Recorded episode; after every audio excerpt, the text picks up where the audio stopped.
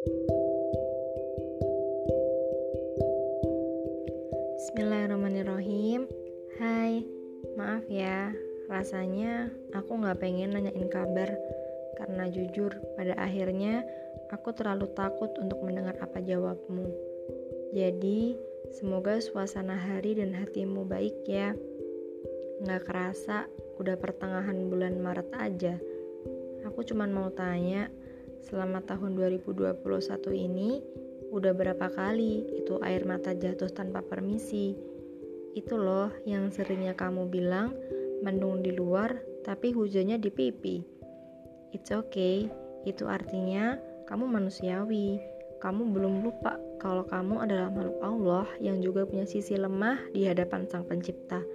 Yang artinya kamu juga butuh Sang Maha Kuat untuk membuatmu tetap bertahan.